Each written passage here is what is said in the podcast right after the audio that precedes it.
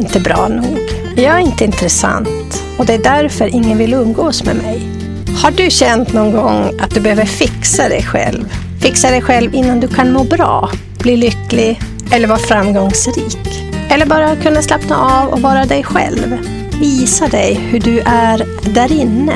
Ja, känner du igen det här med självtvivlets grepp? Har det här självtvivlet hållit dig tillbaka någon gång i livet? Ja, du är i alla fall inte ensam i så fall. Idag ska vi kika på hur självkänslan formar våra liv och hur vi kan stärka den så att vi kan leva som vi vill i befintligt skick, om vi så önskar. Välkommen till Lev som du vill i befintligt skick, avsnitt nummer 6 med mig, Lena Olsson Lalor, legitimerad psykoterapeut. Självkänsla, det är hur vi ser på oss själva, vårt värde och den plats vi tar här i världen. Så om vi har självkänsla, då känner vi oss värdiga. Känsla av att vara värdefull och oberoende av vad vi presterar och vad andra tycker om oss. Låg självkänsla, ja det blir ju motsatsen då. Att vi känner att vi behöver göra någonting, vara någonting annat kanske än den vi är. Andra ska tycka om oss, annars är vi inte värdefulla. Och vi behöver definitivt bli bättre innan vi kan slappna av och vara oss själva. Jag själv gick ju från seende till blind och det var en tuff tid. Jag kände ofta att jag behövde prestera lite bättre än alla andra. Kompensera för min blindhet. Och så att det inte tillskrivs min blindhet, utan jag kan min sann trots att jag är blind. Och det kanske jag kunde också, men av fel anledning försökte jag prestera. Så min självkänsla var rätt låg och jag var upptagen med att fundera på vad andra tänkte och tyckte om mig. Kan du känna igen dig i det här? Du kan väl fundera på hur din situation ser ut. Om du har haft låg självkänsla, eller har. Exemplet jag ger visar också hur det kan påverka vardagen. Det är klart att ska man prestera mera för att kompensera det man själv tycker är en brist, för att minska risken att ses som misslyckad. Min vardag såg ut så att jag skulle göra lite mer, läsa en till bok, en till artikel, göra ett till avsnitt, skriva en till sida, ta en till patient, ja, ni förstår hur det går runt, runt i vardagen här och påverkar det vi gör. Och för varje av de delarna så kände jag mig lite bättre. Men det var inte självkänsla. Prestationsbaserad självkänsla skulle man kunna kalla det. Så kanske du har ett eget exempel som du får upp i dina tankar eller om dig själv, om du känner dig värdefull eller inte. Jag tänkte ge exempel på några självtvivelstankar som ofta förekommer hos oss eller personer som har låg självkänsla. Jag är inte tillräckligt bra. Andra är bättre än jag. Jag förtjänar inte att vara lycklig. Jag kan inte, klarar inte av det här. Jag kommer ändå bara misslyckas. Ingen uppskattar eller värderar det jag gör. Jag är inte lika smart som andra. Jag är inte lika fin som andra. Jag är värdelös om jag inte gör rätt. Mina åsikter och tankar är inte viktiga. Jag måste alltid göra andra nöjda för att känna mig värdefull. Jag är inte nog intressant för att någon ska vilja vara med mig. Var och en av oss kanske inte har alla de här tankarna, men någon av dem kanske vi har och följer i den spellistan. Så baserat på det här där vi tänker och känner som vi kommer att se så gör vi också olika saker och väljer olika saker i våra liv. De här tankarna är ofta överdrivna och irrationella, men känns verkliga för den som tänker dem. Så man behöver jobba med att förhålla sig på ett annat sätt och för att kunna förhålla sig på ett annat sätt till de här självtvivelstankarna så behöver man känna igen dem, lägga märke till dem för att sen veta vad man ska göra annorlunda. När vi då har de här självtvivelstankarna, då får vi ju också känslor. Några känslor som är vanliga just när man har de här självtvivlarna, det är rädsla, kanske är rädd för sociala situationer, rädd att misslyckas och inte leva upp till förväntningar. Man kan känna sorg. När man inte känner sig värdefull så blir man väldigt ledsen och känner hopplöshet. Skam. Vi skäms för att vara bristfällig. Det här personliga misslyckandet. Frustration och irritation för att man kanske inte uppnår det man vill i livet eller vara fast i den situation man befinner sig i nu.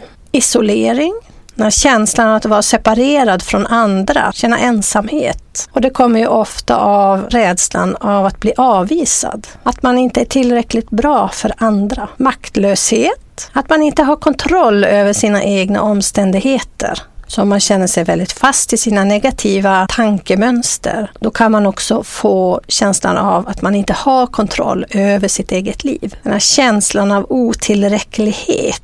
Så när de här självtvivelstankarna kommer så kommer ju också självkritiken, piskan. Och då får man den här låg självkänsla-känslan. Känslan av att man inte är värdig. Man är inte värdefull.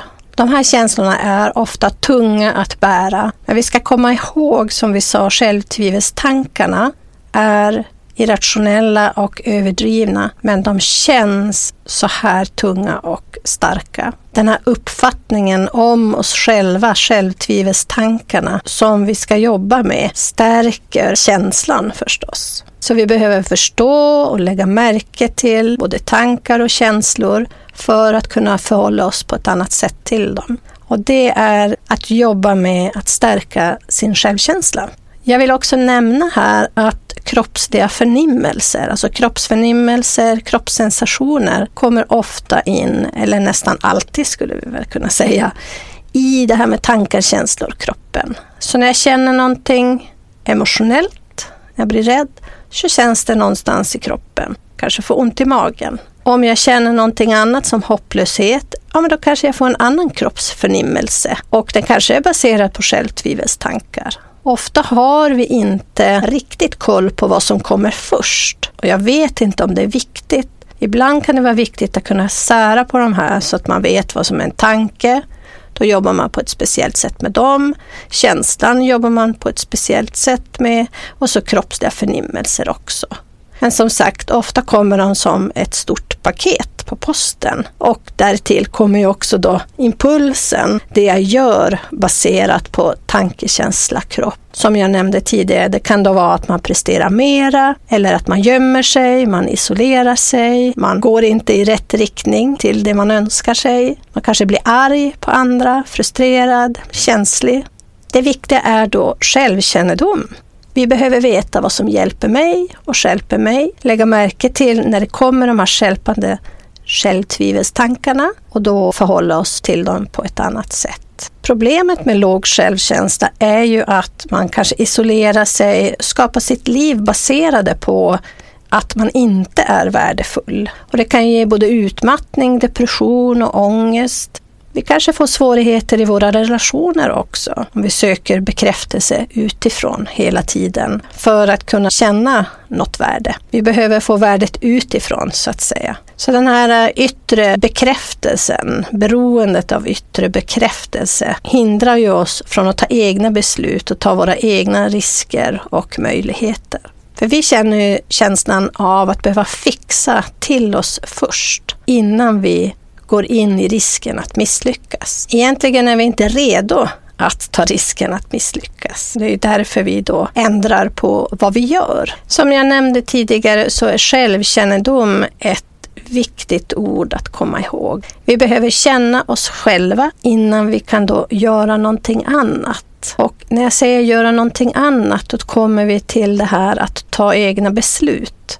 Och om vi tar beslut på självtvivel och självkritik och känslan av värdelöshet, då kommer vi att gå åt ett håll, på en väg, mot det vi inte önskar oss kanske. Om vi har självkännedom kring det här och kan förhålla oss till det på ett annat sätt, då går vi till självbeslut, det vill säga vi beslutar oss om någonting annat att göra, trots att självtvivel kanske poppar upp ibland. Vi vill ju växa och de här självtvivlen leder oss ofta till att inte leta nya erfarenheter. Vi vågar inte gå in i dem. Vi kan också bli ganska överkänsliga till kritik, att vi tar det väldigt personligt.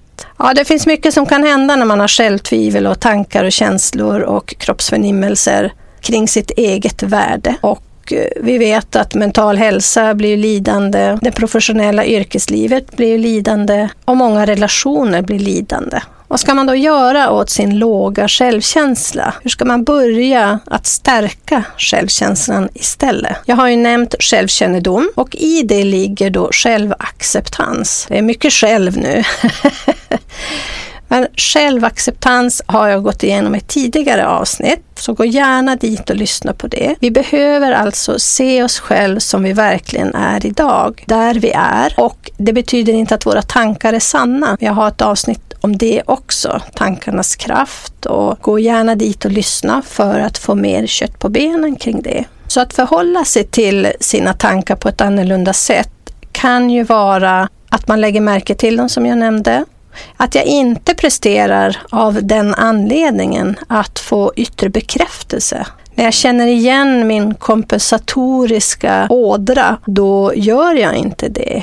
Och då kommer ju känslorna fram. Så när jag inte gör det jag brukar göra när jag mår så här, i självtvivlet och låg självkänsla, då vill jag ju göra det jag brukar göra för att minska plågan. Så vi ska sluta göra det vi gör och ta hand om våra känslor. Inte sitta i plågan för att plåga oss mer, utan bara att acceptera att det är så här jag känner nu. betyder inte att det är sant det jag tänker, men jag behöver ändå komma dit. För acceptans handlar ju om att vara på rätt plats för att kunna göra en förändring. Och vi har också gått igenom i ett annat avsnitt om när man är sig själv, att, att vara sig själv. Att man ändrar det man gör, inte den man är. Och det här handlar ju också om att ändra beteendet. Om jag brukar prestera för att få ett värde, utan jag får jobba med att ge mig värde på ett annat sätt som inte är baserat på den låga självkänslan och självtvivelstankarna. Och det här låter ju kanske komplicerat och